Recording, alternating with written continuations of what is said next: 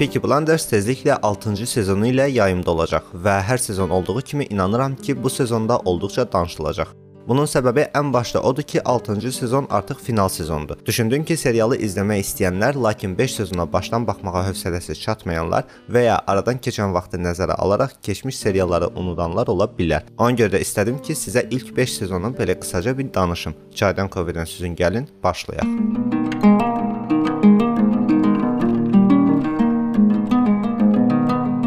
Thomas Shelby Peaky Blinders dəstəsinin və Shelby ailəsinin başçısıdır. Arthur ailənin böyük qardaşı, Finn və John isə kiçik qardaşdır.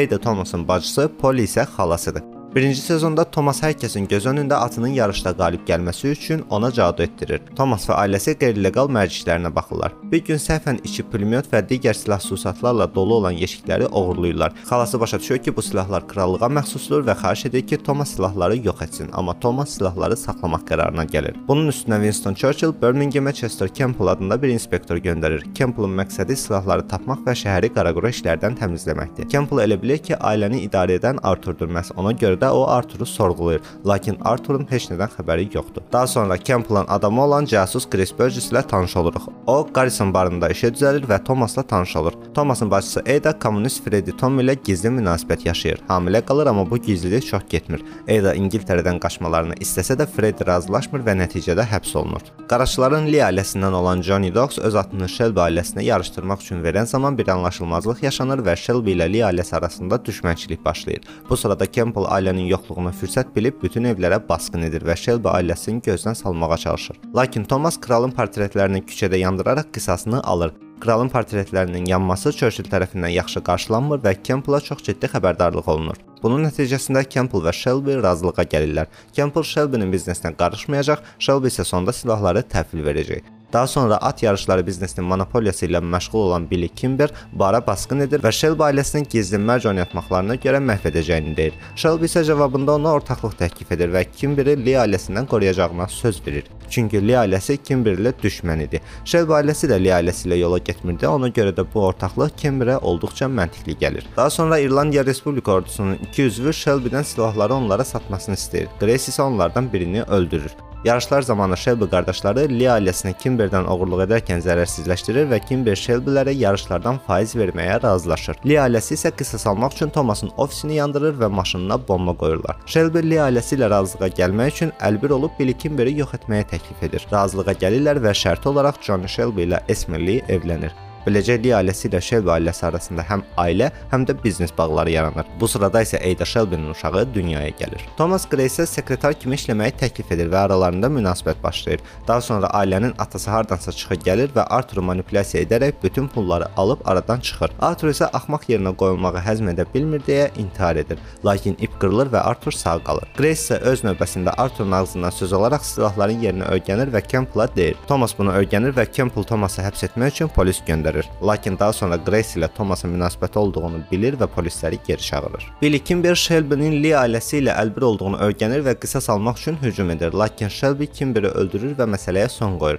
Artıq Shelby ailəsi 3 ən böyük bookmaker kompaniyalarından birinə çevrilir. Bu sırada Grace-in casus olduğunu öyrənirlər və Grace qaçmaq qərarına gəlir. Lakin stansiyada inspektor Grace-ə silah doğruldur və atəş açılır. Birinci sezon sona çatır.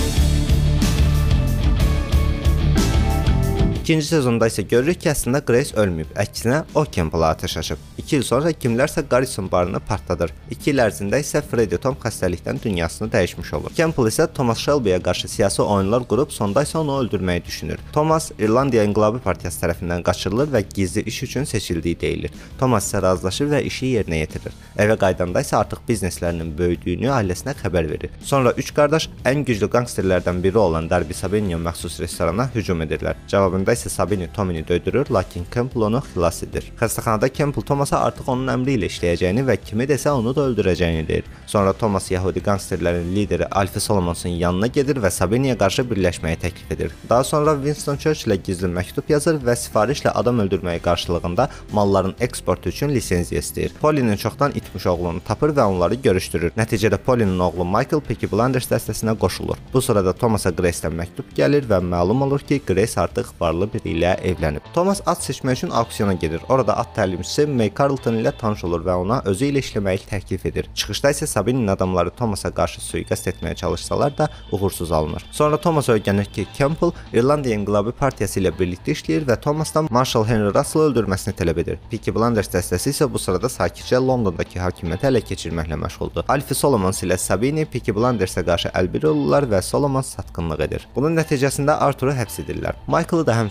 başqa bir bəhanə ilə həbs edirlər və Polly oğlunun azadlığı uğrunda Campbell ilə yatmaq məcburiyyətində qalır. Bu tərəfdə isə Grace Birmingham gəlir və Thomas ilə yatır, lakin sonra ərinin yanına qayıdır. Thomas New York Times-in redaktoruna Henry Russellın sui-qəsdi ilə əlaqədar bütün planları və bu işdə əli olan adamların adlarını yazır. Məktubu bacısına verir və ölümü halında bu məktubu ünvanına çatdırmasını istəyir. Daha sonra Alfie Solomons ilə Rom eksportundan gəlir əldə etmək üçün müqavilə bağlayır və qardaşı Arturu həbsdən azad etdirir. Peaky Blinders dəstəsi yarışlarda Sabininin bütün qazancına əl qoymaq və məclis lisenziyalarını məhv etmək üçün plan qurur. Elə də olur. Thomas Henry-ni Polly isə Campbell öldürür. Nəticədə Thoması öldürmək üçün apardıqları yerdə qəflətən bir nəfər onu xilas edir və bundan sonra Churchill-in muzlu qatil olacağını deyir. Hamı bayram edir və Thomas evlənəcəyi xəbərini verir. İkinci sezon bitir.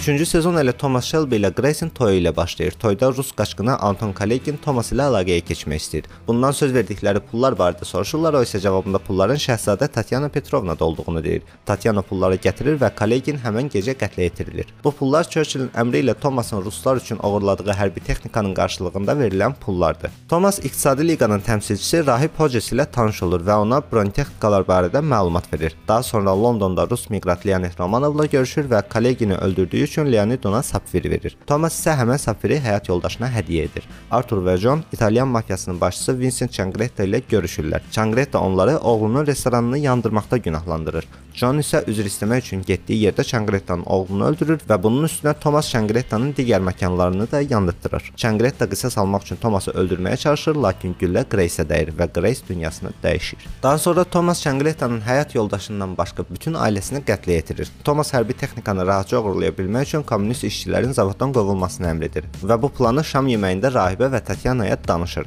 Kommunist işçilərin üsyanı sırasında isə hərbi texnika Londona yola düşür, lakin ora çatmamış qatardan düşürüb gəmi ilə Liverpooldan yola salırlar. Zavodu yandırırlar və Thomas rahibin Rus hökumətinə xəbər uçurduğu barədə Tatyanaya xəbər uçurdur. Shelby'lərin atası Amerikada ölür və Thomas bunun xəbərini qardaşlarına verdikdən sonra biznesini böyütmək və rusları qarət etmək istədiyini deyir. Polly günah çıxardarkən Campbell öldürdüyünü etiraf edir və bu xəbəri rahib Hodges'ə ötürürlər. Thomas rahibi öldürmək üçün gəldikdə isə cəhdi uğursuz alınır və rahib Thoması döydürür. Thomas yaralı halda Rus səfirliyinə rahibin xain planları barədə məlumat verir. Bunun nəticəsində Britaniya hakimiyyəti ruslarla diplomatik əlaqələri kəsir. Thomas 3 ay xəstəxanada qalır. Michael uşaq vaxtı Hiccesin ona təcavüz etdiyini və onu öz əlləri ilə öldürmək istədiyini deyir. Bronetexnikaların detalları Peaky Blinders tərəfindən sökülür və yararsız hala gətirilir. Rus səfirliyinə bu barədə məlumat verilir və Thomas ilə Alfie Rus miqrantın xəzinəsini ziyarət edirlər. Johna isə Shelby-lərə qarşı sui-qəsd planlandığı barədə məlumat verilir. Hodges Thomasın uşağını qaçırdır və qarşılığında bronetexnikaların gedəcəyi qatarı partlatmağı, eləcə də qarət edəcəkləri xəzinənin hamısının ona verilməsini əmr edir. Thomas qarətə birbaşa özü gedir və Alfie yenə satqınlıq edir. Bu sırada Peaky Blinders dəstəsi Thomasın oğlunu tapır və xilas edir. Michael Hodges'i öldürür. Thomas xəzinəni qarət edir və Arthur qatarı partladır. Sabahsı gün Tatiana Thomasın pulunu verir. Daha sonra Thomas bütün ailəsini yığır və yuxarıdan gələn əmrlə hamısının həbs ediləcəyini, lakin onları xilas etmək üçün bir planı olduğunu deyir. Nəticədə Arthur, John, Michael və Polly həbs edilir və 3-cü sezon bitir. Tam da edam ediləcəklər anda Thomas Churchill-dən ailəsi üçün əfv tələb edir və bütün ailə üzvləri azadlığa çıxır. Bir il sonra hər kəs başqa-başqa yerlərdə öz həyatını qurur və Thomasdan uzaqda yaşayırlar. Bu sırada isə Thomas işləri daha da böyütmüş olur. Günlərin bir günü Siciliya mafiyası tərəfindən hər kəsə məktub gəlir və tezliklə bütün ailənin öləcəyi deyilir. Məktubu göndərən Vincent Changretta'nın oğlu Luca Changretta idi. Peaky Blinders dəstəsi Changretta'nın bütün ailəsini qətlə yetirib sadəcə bu qadını sağ buraxmışdılar. O da gedib bütün bu olanları oğluna danışıb. Thomas onu öldürməyə gələn cinayət cinayətkarı tapır və öldürür. Daha sonra isə bütün ailəsinə diqqətli olmaları üçün xəbərdarlıq edir. Johna zəng çatmadığı üçün ona xəbər verməyə Michael gedir, lakin gecikir və John Lukanın adamları tərəfindən qətlə yetirilir. Thomas təhlükəsizliyi üçün bütün ailəsini bir araya yığır. Luca Changretta Thomasın ofisinə gəlir və bu müharibədə uşaqlara və günahsız insanlara zərər gəlməyəcəyi barədə bir-birlərinə söz verirlər. Thomas Peaky Blindersin Luca'ya qarşı müharibə edə bilməyəcəyi üçün Abraham Gold'un adamlarından dəstək alır. Polly Luka ilə sözləşir və Polly ailəsinin canının qarşılığında Thomasın canını verməyə hazır olduğunu deyir. Daha sonra bunun Lukaya qarşı qurulmuş bir plan olduğunu görürük və nəticədə Lukanın adamları ölür və Polly ilə Aberam münasibət qurur. Thomas qadınlara kişilərlə eyni maaşın verilməsinə qarşı çıxır və işçilər boykot edərək işi dayandırır. Thomasa ölkədə inqilab olacağı və tezliklə hərbi qüvvələrin buna mane olmaq üçün gələcəkləri barədə xəbərdarlıq edilir. Thomas isə yeni biznes qurur və cin istehsalına başlayır. Alfie Solomondan kimin tərəfində olduğunu soruşur və Alfie güclünün tərəfində olacağını deyir. Elə də olur və Alfie yenə Thoması satır. Döyüş zamanı Çəngrettanın adamlarını gizlincə içəri soxur və onlar da Arturu öldürməyə çalışır. Bunu bacarmasalar da Thomas yalandan Arturun öldüyünü deyir və Luka Çəngrettaya təslim olur. Luka Thomasın bütün biznesini əlindən almaq istəyir, lakin Thomasın planları daha böyükdür. O Al Capone ilə əlaqə yaradır və Al Capone Thomasın Çəngrettanı öldürməsinə kömək edir. Çünki Luka Çəngretta Al Capone'un yeganə rəqibidir. Özü Çəngrettanı öldürsə iki ailə arasında müharibə başlayacaq, lakin onu Thomasın əli ilə öldürsə, Amerikadakı hakimiyyət tamamilə Al Capone-a keçəcək. Bunun nəticəsində Lukanın adamları onu satır və Arthur Lukanı öldürür. Thomas isə Alfini öldürür və Michael-ı Amerikadakı biznesini idarə etmək və genişləndirmək üçün Amerikaya göndərir. İnqilaba mane olmaq üçün gələn hərbiçilər Thomasdan kömək istəyirlər. Thomas Jesse Eden'dan inqilabçıların adını öyrənir, krallığın nümayəndəsinə ortaqlıq təklif edir və İngiltərədəki sosialist hərəkatını məhv etməsi qarşılığında İngilis ordusunun təchizatlarının istehsalını öz kompaniyasına verilməsini, özünə isə parlament nümayəndəliyinin verilməsini təklif edir. Elə də olur və 4-cü sezon sona çatır. Thomas artıq parlament nümayəndəsidir. Arthur və Finn Shelby biznesin qaranlıq tərəfi ilə, Michael isə Amerikada Shelby-nin yeni biznesi ilə məşğuldur. Günlərin bir günü Amerikada iqtisadi böhran yaşanır və birjalar çökür. Bu sırada Thomas çox böyük pullar itirir, Michael isə nişanlısı ilə birlikdə geri qayıdır. İrlandiya İnqilabı ordusunun nümayəndələri tərəfindən Thomasa Michaelın satqın olduğu xəbər verilir. Peaky Blindersdən boşalan yerlərə isə başqa dəstələr göz qoyur və bunlardan ən təhlükəsi olan Billy Boys dəstəsi Thoması öldürməyə çalışır. Bunu bacarmasalar da Abraham Gold'un oğlunu öldürməyi bacarırlar. Thomas nazir Oswald Mosley ilə tanış olur və Mosley Thomasa faşist partiyasına qoşulmağı təklif edir. Thomas faşistlərin düşmən olduğunu anlayır və Oswald'ı məhv etməyin ən yaxşı yolunun elə onların partiyasına qoşulmaq olduğunu düşünür. Thomas Benyak vasitəsilə hakimiyyətə Mosley barədə informasiya götürür, lakin Mosleynin cinayət aləmi ilə birbaşa əlaqəsini öyrəndikdən sonra Young'ı öldürürlər. Oswald isə ortaqlıq şərti olaraq Peaky Blindersə aid olan ərazilərin bəzilərini Billy Boys dəstəsinə verilməsini tələb edir. Thomas buna qarşı olsa da məcbur qaldığı üçün Billy Boys ilə barışıq elan edir. Çin quldur dəstəsinin nümayəndəsi Brilliant Chang Thomasla görüşüb ortaqlıq təklif edir və ona kanallarından